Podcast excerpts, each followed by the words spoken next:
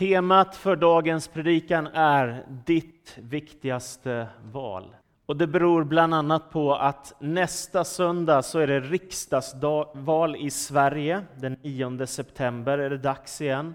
Och det betyder att man ska rösta, om man får rösta så ska man göra det, ta ansvar för vårt land. Det har betydelse vem som leder vårt land, det har betydelse vilka som står upp i vårt land och får makt och får regera och får fatta avgörande beslut. Därför är det viktigt att rösta. Bakom det som kallas för sakfrågor och vallöften finns två frågor. Vilka värderingar ska få styra i vårt land? Och den andra frågan är vilka frågor ska prioriteras högst? Är ni med? Det är helt avgörande frågor och de som får politisk makt kan påverka det ganska mycket. Därför är det viktigt att rösta och det är viktigt som kristen att ta sitt ansvar för demokratin. Jag gillar vad en kristen författare skrev. Han skrev så här. Rösta på ett parti, men ge ditt hjärta till Gud. Det tycker jag är bra sagt. Rösta på ett parti, men ge ditt hjärta till Gud. Sverige är ett helt fantastiskt land på så många sätt. Det är viktigt hur det leds. Det är viktigt att varje människas röst ska räknas. Att vi kan bygga ett samhälle där alla har rätt till sjukvård, skola, utbildning, religionsfrihet, att få ha frihet i sin tro och sina värderingar. Det är fruktansvärt viktigt. Det är otroligt viktigt med demokrati, att inte bara en person styr över ett helt land, utan att folket har rätt att säga vad man tycker om viktiga frågor, mänskliga rättigheter, religionsfrihet och demokrati och så vidare. Jag har också rest i länder där det inte finns religionsfrihet, där det inte finns demokrati, där det inte finns mänskliga rättigheter och där det inte finns rättvisa. Och det hör till mitt livs värsta upplevelser att möta människor som sitter i fängelse för sin tro, som sitter i fängelse för att de har flytt från sitt land, eller vad det nu är för någonting. Och man kan tänka att, att det kommer bara rulla på i Sverige och vi tar allt för givet. Men jag vill bara ta med er på en händelse bak i historien som backar bandet till 1800-talet så ska ni få ett konkret exempel på hur viktigt det är med demokrati, religionsfrihet och mänskliga rättigheter. Det fanns en sjöman som hette Fredrik O. Nilsson. Han kom ifrån norra Halland i Sverige. Han var ute på resa, gav sig av hela vägen till USA och där mötte han metodistkyrkan. Han fick höra budskapet om Jesus Kristus. Så han öppnade sitt hjärta för Jesus, tog emot honom. Och där mötte han också människor som hade en baptistisk övertygelse att man skulle kunna välja att bli döpt i vatten på grund av att man har blivit troende själv och fattat eget beslut om dopet. De böckerna läste han. Och i augusti år 1847, så när han var på resa i Tyskland, så blev han döpt i vatten och gav sitt liv på det sättet till Jesus Kristus. Sen kom han hem till Sverige igen. Och när han kom hem till Sverige så var han fylld av glädje över sin tro. Och han berättade för sina släktingar och vänner om vem Jesus är och att man faktiskt själv kan fatta ett beslut att följa honom och bli döpt i vatten. Så den 21 september år 1848 ordnade han det första baptistiska dopet i Vallersvik i norra Halland. Det var åtta grader varmt ute och åtta personer gick för att bli döpta i vatten. När de kom ner till vattendraget där sent på kvällen och insåg vilket beslut de skulle göra, för det här var inte lagligt i Sverige. Det var inte okej. Okay, så inser de vidden av sitt beslut. Tre backar och är inte med på att döpa sig, de låter bli. Fem stycken döps till Kristus i vatten i Vallersvik i norra Halland den 21 september. Det var väldigt kallt i vattnet. Det här var inte tillåtet. Men det här blir grunden för den första baptistförsamlingen i det moderna Sverige, 1800-talets Sverige. Då. Ett år senare hade den här församlingen 45 medlemmar, men de blev fruktansvärt hårt trakasserade för sin tro och förföljda.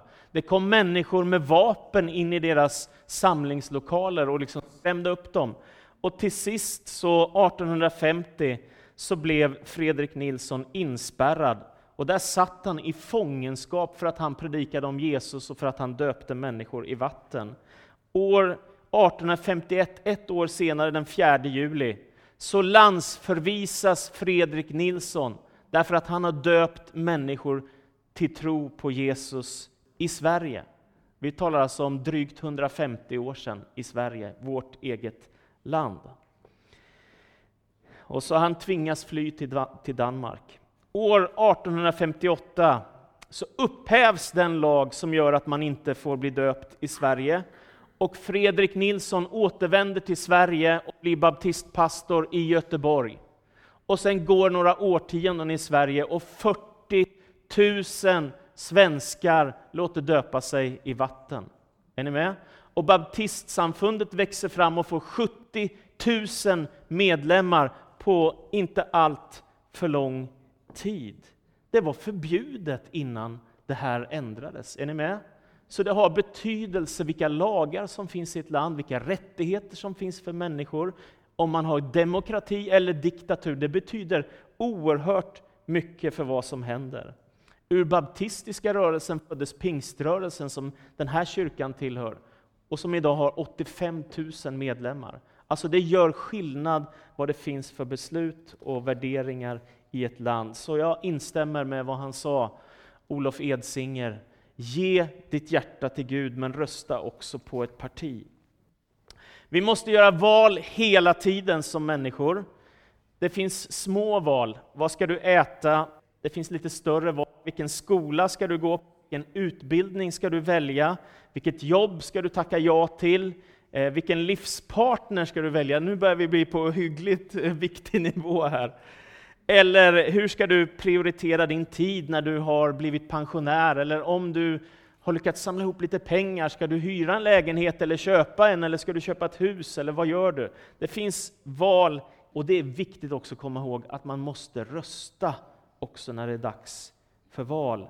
Politiska val är också viktiga i vårt land. Vissa val som vi gör är inte så viktiga, andra val som vi gör är fruktansvärt viktiga. Och det är tur att det är så, för annars skulle livet bli outhärdligt.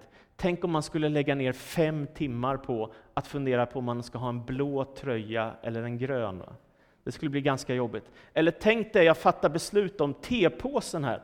Ska jag ta English breakfast eller ska jag ta något citronte?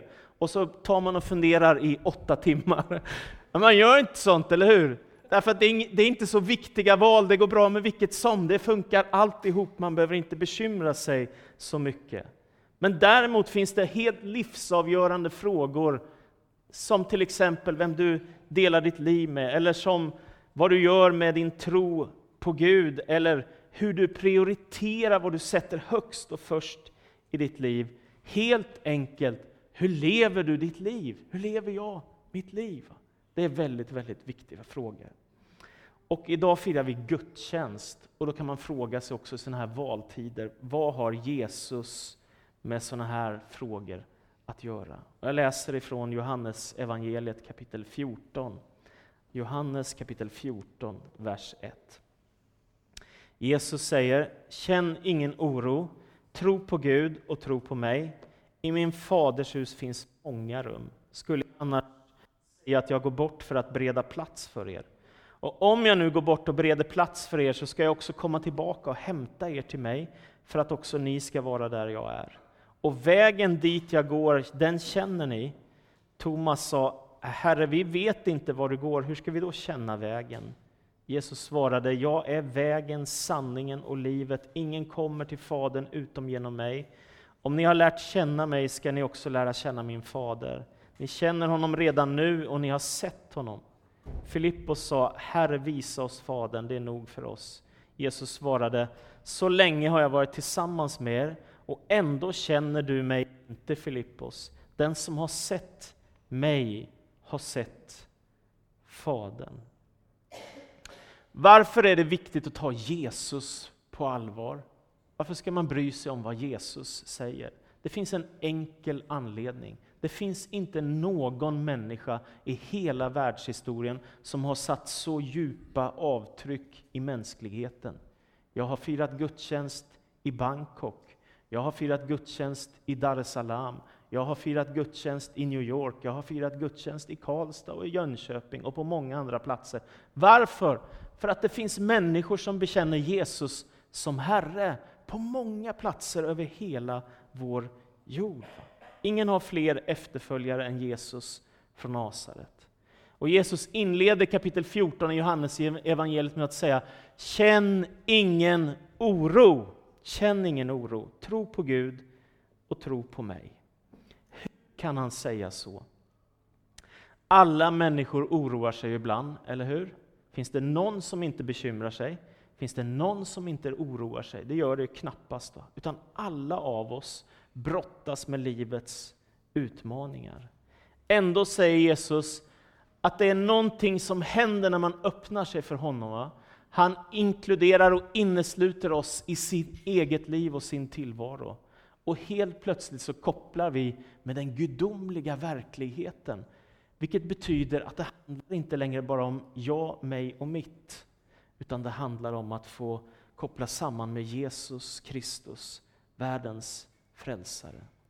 Ja, men det finns ju så mycket att bekymra sig för. Framtiden, hälsan, barnen, föräldrar, vänner, barnbarn, arbete, pension. Vad ska jag göra med alla utmaningar som möter? Vad ska jag göra med alla svåra beslut? Det är naturligt att känna oro.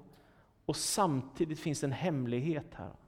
Och det är att förstå vem Jesus är. Om Jesus är den gudomlige, om han är Messias som är sänd ifrån himmelen av Fadern för att komma till oss och vara hos oss och leva med oss och uppenbara Gud för oss, ja men då finns det hopp för oss. Och så säger Jesus, jag ska komma tillbaka en dag och hämta er så ni får vara hos mig.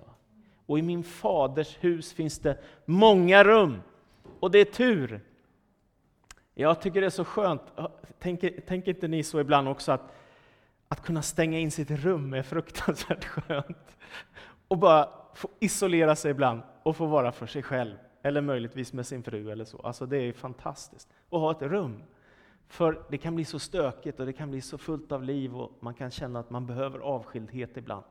Och så verkar det som att det är så i himlen, att det finns rum för oss, förberedda som Jesus Kristus har gjort till oss. Så himlen är inte en plats av moln där vi cirkulerar runt med våra själar, utan himlen är en fysisk plats. Det står i Uppenbarelseboken att himmel och jord ska förenas när Jesus kommer tillbaka. Så det är en fysisk plats och du får, verkar som att du får ett rum hemma hos Jesus. Så han har koll på historien. Vi lever mellan när Jesus kom första gången och han kommer tillbaka en andra gång. Däremellan lever vi och Jesus och Gud har koll på den här historien. Han har den yttersta makten. Så det finns ett mål och det finns ett hopp som Gud har gett oss. Men vad är då vägen? Hur ska jag komma dit? Och då säger Jesus, jag är vägen, sanningen, livet. Oerhört anspråksfulla och provocerande ord. En kompromisslös förklaring att det är han som är enda vägen, till Gud, att det inte finns någon annan väg. Att han är den enda som har varit utan synd, den enda som kan frälsa. Det är klart att det upprör människor, och det har det gjort i alla tider. Och inför denna, denna, detta påstående och denna, detta, de här orden kan man bara svara ja eller nej. Va? Alltså inför Jesu kors när han dör kan man inte säga jaså, utan man måste säga ja eller nej, det här är mitt livsval. Jag vill ha med honom att göra eller inte. Det finns inga alternativ. Merrill Tenney, han, han är professor, han skriver så här. Detta uttalande av Jesus alltså är ett av de största filosofiska utsagorna i alla tider. Jesus sa inte att han kände till vägen, sanningen och livet, inte heller att han undervisade om dessa ting. Han gjorde sig inte till talesman för ett nytt system. Han förklarade att han själv var det slutgiltiga svaret på alla hemligheter. Det är Jesus själv som är svaret för oss som vi behöver. Och ibland hör jag människor tala om Jesus med andra som ännu inte har hittat fram till Jesus, som om bara de behövde Jesus. Men ju mer jag lever, ju mer inser jag att jag behöver Jesus och du behöver Jesus. Vi behöver alla honom. Det finns ingen av oss som klarar oss själva. Livet är ett tillfälligt uppdrag. Och då gäller det att göra något viktigt med det. Och enligt Jesus från Nasaret så är det viktigaste valet man kan göra att säga ja till honom, att följa honom, att ge sitt hjärta till honom. Han är den ende som kan leda dig till Gud. Han är den ende som kan frälsa dig. Han är den ende som kan ge dig ett hopp om en evighet hos Gud. Han är den ende som kommer vara med dig alla dagar in till tidens slut. Så den kristna trons kärna och centrum är Jesus från Nasaret. därför behöver vi honom. Låt mig ta dig med på en illustration. Det var en man som skulle bege sig på en besvärlig resa som skulle ta honom långa vägar och bland annat över ett stort berg, ett massivt berg och det var en riktigt krånglig väg att ta sig dit. Därför ville han ha en guide. Så när han närmar sig det här berget så kommer han först till en man som säger att han är guide och han frågar då honom Har du varit i den byn som jag ska till någon gång? Har du varit där? Nej, jag har gått en bit upp på berget, alltså halvvägs ungefär. Så att jag skulle kunna testa att leda dig dit. Och då säger han, nej tack, jag vill inte ha dig som guide. Och sen så vandrar han vidare och så möter han en annan guide. Och så frågar han honom, har du vandrat till den där byn som finns där nere, långt borta efter bergets kant där? Nej, det har jag inte. Jag har aldrig vandrat den vägen, men jag har stått uppe på bergets topp och så har jag sett den byn. Nej tack, jag vill inte ha dig som guide. Och sen så kommer han till en tredje person som också är guide och frågar honom, har du varit i den där byn som jag ska till, som ligger bortanför bergets sluttning där? Och då svarar han, det är min hemby. Jag kommer därifrån. Det är platsen där jag är född och har vuxit upp. Och då säger han, ja tack, med dig vill jag vandra. Alltså det har rätt stor betydelse vad vi fattar för beslut i våra liv och vilka som får ha auktoritet över oss, vilka som får påverka vår livsinriktning, vem som får påverka de beslut jag fattar och den väg som jag vandrar på. Och jag tänker hur mycket tokigt som händer i världen, som är så långt ifrån Jesus och hans evangelium. Tänk så mycket hat det finns som är fullständigt meningslöst och dödfött. Va? Tänk så mycket droger det finns som är fullständigt meningslöst och leder människor in bokstavligen i ett helvete när man börjar leva i detta. Tänk så mycket av lidande det finns i världen och svårigheter och människor ger sig in ännu mer i sånt genom krig och konflikter. Vad mycket elände det finns när man har dåliga guider då, som inte leder på en bra väg för mig och för mitt liv då är det lätt att hamna vilse. Men Jesus han leder oss på vägen hem till Gud. Vad ska jag då tänka på om jag vill följa Jesus, om jag vill vandra med honom, om jag vill att han ska vara min Herre? Vad är viktigt för mig då? Och då behöver vi ställa några avgörande frågor. Jag vill skicka med dig tre frågor att fundera på om du vill följa Jesus och hur du ska kunna följa honom. Tre frågor. Det första, vad är grunden i mitt liv? Vad är grunden i mitt liv? Jag tror att du tänker många gånger så här, men jag bara, jag bara kör på lite. Visst är det lätt att tänka så? Ja, men vi får se, det ordnar sig, livet rullar på, vi tar, nu klarade vi den här dagen, en dag i taget och sådär. Det är lätt att bara göra så. Och ofta så rullar livet på tills vi stöter på en kris. Då är det som, det bara exploderar. Oj, vad lever jag för? Vad är viktigt? Vad ska jag göra? Vad ska jag prioritera? Och så börjar man upptäcka helt plötsligt att det finns massor av värderingar här inne som styr och påverkar hela mitt liv och att jag faktiskt fattar massa beslut rätt så omedvetet. Och därför är det viktigt att tänka på vad är det som finns här på insidan? Vilka värderingar önskar jag att stå för? Vad är det som är min grundtro? Vad är det som jag är beredd att leva och dö för? Vad är det som verkligen är viktigt i mitt liv? Vilka människor låter jag påverka mig? Vilken typ av auktoriteter tillåter jag i mitt liv? Var hämtar jag mina värderingar från? Vänner, media, föräldrar eller var någonstans kommer det ifrån? I första Korinthierbrevets tredje kapitel står det i den elfte versen. Ingen kan lägga en annan grund än den som redan finns, och den är Jesus Kristus. Vad är det för grund vi talar om? Jo, men Jesus från Nasaret, säger Bibeln, han existerar i evighet hos Gud Fadern i himmelen. Han blir sänd hit till jorden för att bli människa och uppenbara Gud för oss. Och sen så dör han för oss på ett kors, han uppstår på den tredje dagen för att segra över döden. Och sen så far han hem till den himmelska världen och så ska han en gång komma tillbaka och så ska han ta oss hem till Gud så att vi för alltid får vara hos honom. Detta är vem, vad, vilken, vad Bibeln säger om Jesus Kristus. Det betyder alltså att han är av evighet och han är bestående. Det finns ingen som Jesus. Och Jesus säger, det sägs om Jesus i Bibeln att han är densamme igår, idag och i evighet. Vilket inte kan sägas om någon annan.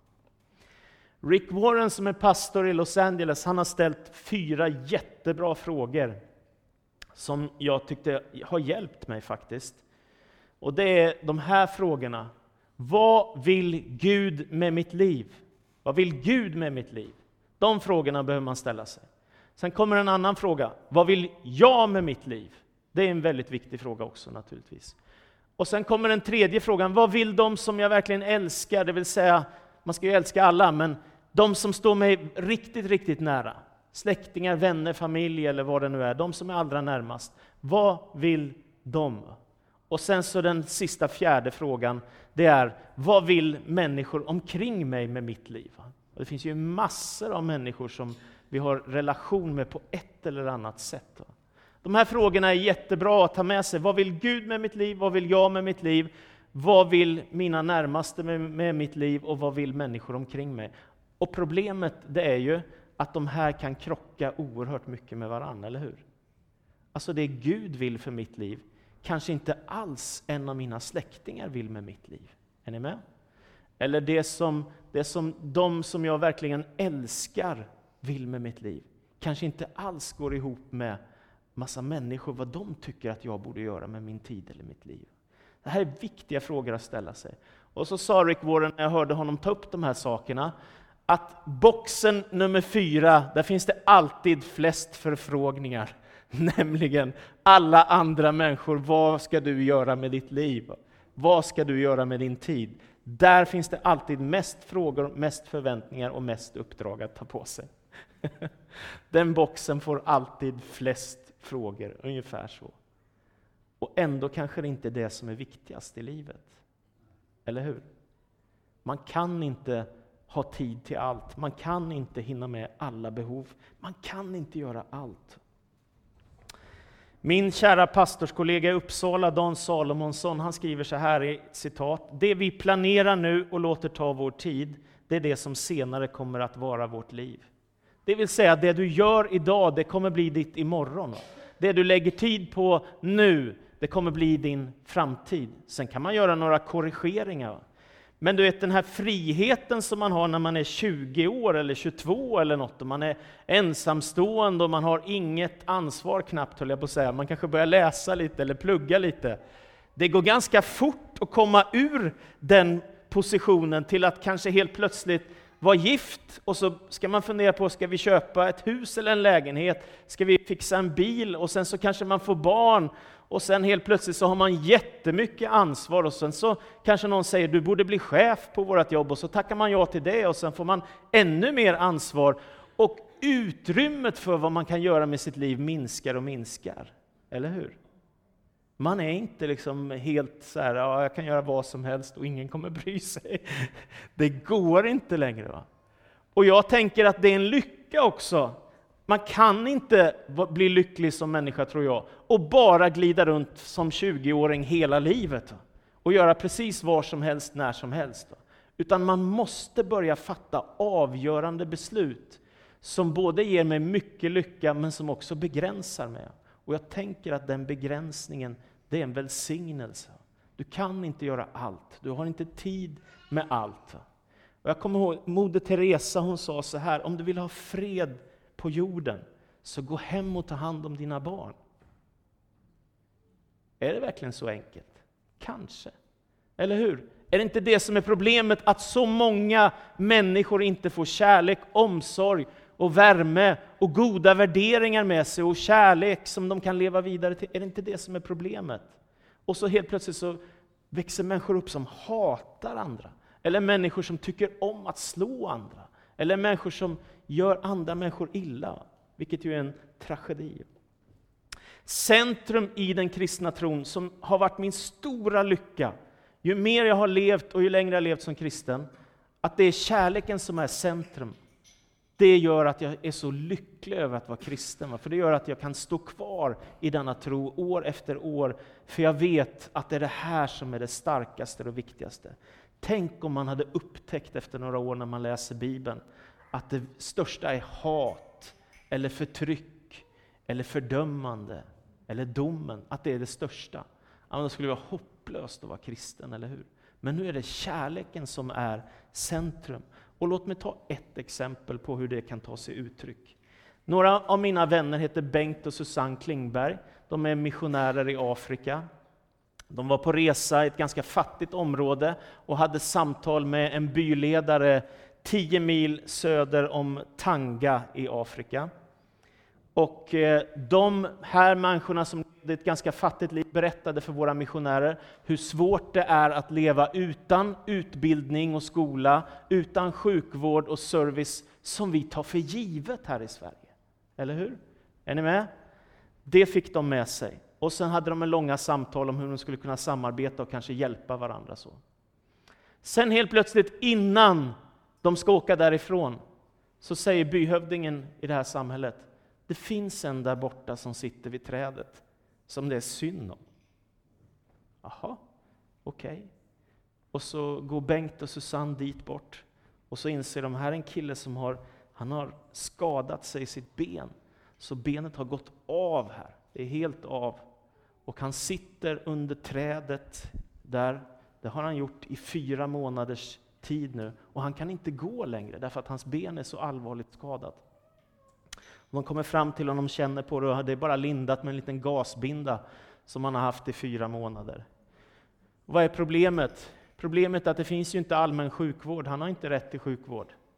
Och vad är problemet? Han har inte 20 kronor att åka buss in till stan. Är ni med? Så fattiga är den här familjen. Bengt och Susanne blir upprörda som missionärer och tänker det här måste vi göra någonting åt, så vad gör de? Jo, de tar Petro och så sätter de honom i bilen och sen så åker de till sjukhuset och så tar de med honom upp till en klinik där de kan operera hans ben för att han ska kunna gå igen. Och då säger de, det kostar 8000 kronor. Petro han har inte ens 20 kronor. Vad gör våra missionärer då? Då säger de, vi tar ansvar för det, vi ordnar det. Och de skriver på ett papper och så kan de, så kan de eh, genomföra den här operationen och så börjar Petro att kunna gå igen. Va? Här har ni en liten halvdålig bild så man i alla fall ser honom live. Det här är på riktigt. Va? Och sen så lägger Bengt och Susanne ut en liten bild på, om detta och berättade om detta på Facebook och på Instagram och sa nu har vi lagt ut 8000 kronor. Om några goda människor av våra vänner kan tänka sig att ge ett litet bidrag till Petro så kan ni göra det på det här eh, postnumret till Pingstkyrkan i Jönköping. Och så kommer det in 14 000 kronor på några dagar och så får de ett överskott så att de kan hjälpa fler människor nästa gång något sånt här händer. Är ni med? Alltså man tänker, det betyder inte så mycket vad man har för politik, om det är vänster eller höger och vem som regerar, men det får vara som det är. Men är ni med? Det gör ganska stor skillnad i världen om det finns ledare som tar ansvar för befolkningen, för samhället, som bryr sig om människor, som har hjärta för svaga, som vet att det finns människor som lider. Det är viktigt. Det är viktigt att kämpa för människor. Va? Nu är Petro opererad. Och jag tänker, tänk om inte våra missionärer hade kommit dit. Hade han fortfarande suttit under sitt träd och haft olidligt ont i sitt ben och ingen hade kunnat göra något. Den andra frågan jag vill skicka med dig är detta. Vad är det som består? Vad är det som består? Det är sällan vi tänker på vad vi har för värderingar, som jag sa. Men fundera på det. I första Johannesbrevet kapitel 2, vers 17 så står det Världen förgår med sina lockelser, men den som gör Guds vilja består för evigt. Det var ett starkt löfte. Alltså världen, ja men är det inte väldigt viktigt hur vi ser ut och att vi får mycket pengar och ägodelar och blir mäktiga och kan göra intryck på vår omgivning och lyckas och resa över hela världen? Ja, men det är väl jätteroligt, men, men det är massa lockelser och frestelser i detta. Och de lockelserna och frestelsen med rikedom, pengar, makt, sex och allt vad det är, det kan leda människor fullständigt vilse. Och så kan man fördärva sitt liv, men så står det, men den som gör Guds vilja består för evigt.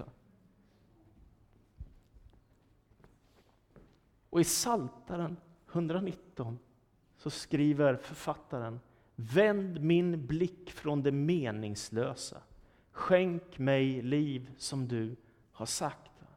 Vilka bra ord. Vänd bort mitt liv ifrån det som är meningslöst och skänk mig det liv som du har tänkt för mig, det som du vill för mig. Gud, vad är det som består till sist? Va? Vad är det som verkligen är viktigt när livet passerar och åren går? Va?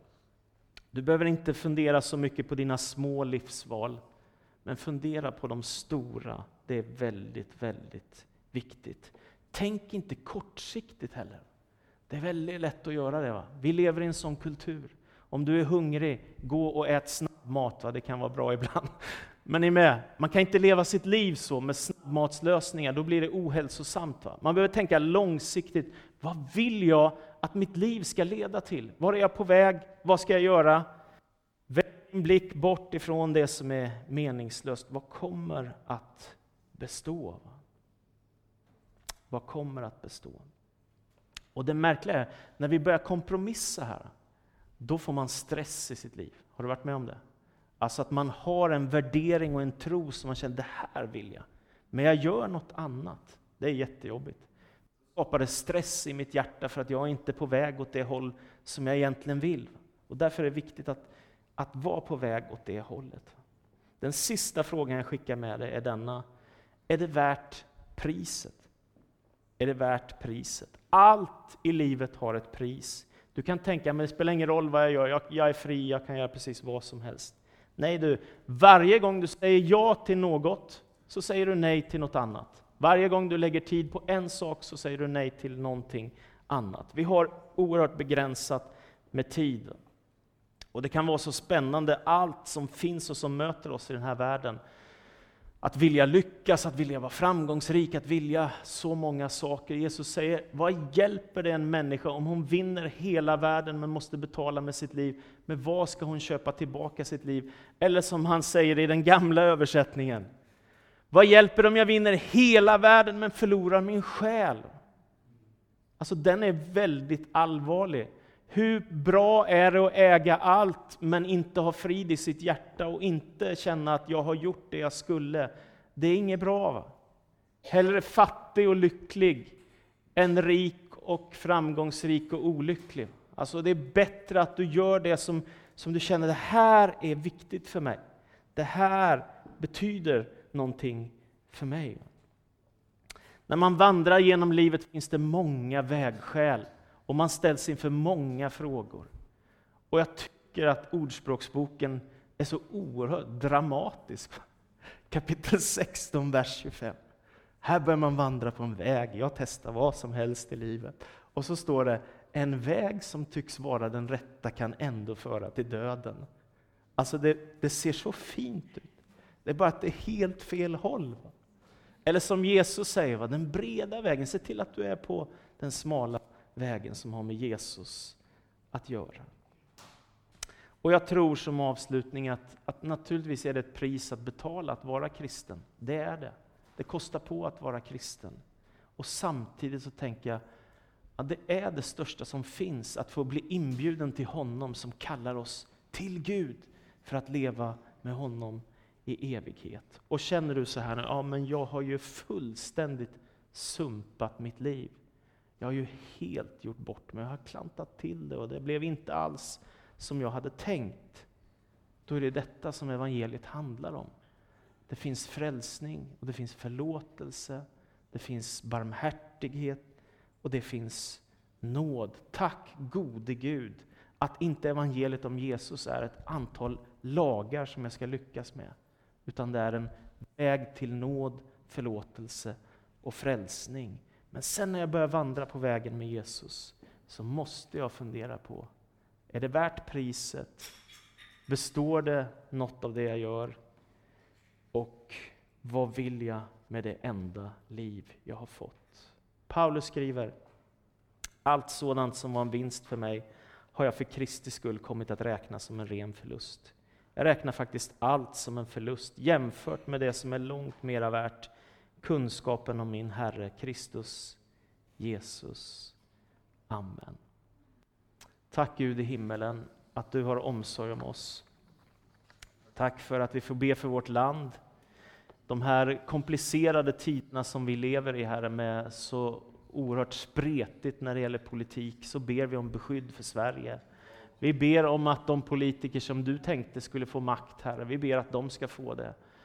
Och de som inte borde ha det, så ber vi att du ska bromsa det, Herre Jesus Kristus. Vi ber att du förbarmar dig över Sverige, Herre. Och jag tror att vi kan inte ta saker för självklart bara, utan vi har ett ansvar att rösta, vi har ett ansvar att stå upp för värderingar som har med ditt rike att göra, Herre. Och vi ber också, Herre, att du ska välsigna oss i vårt vardagsliv, så att vi kan fatta kloka beslut. Vad vill du med vårt liv? Vad vill jag själv? Vad vill andra människor med mitt liv? Och sen så får vi försöka i alla utmaningar att välja det som behagar dig och som gör livet värt att leva, Herre. Jag ber att du gläder oss och välsignar oss i tron var och en. I Jesu Kristi namn vi ber. Amen.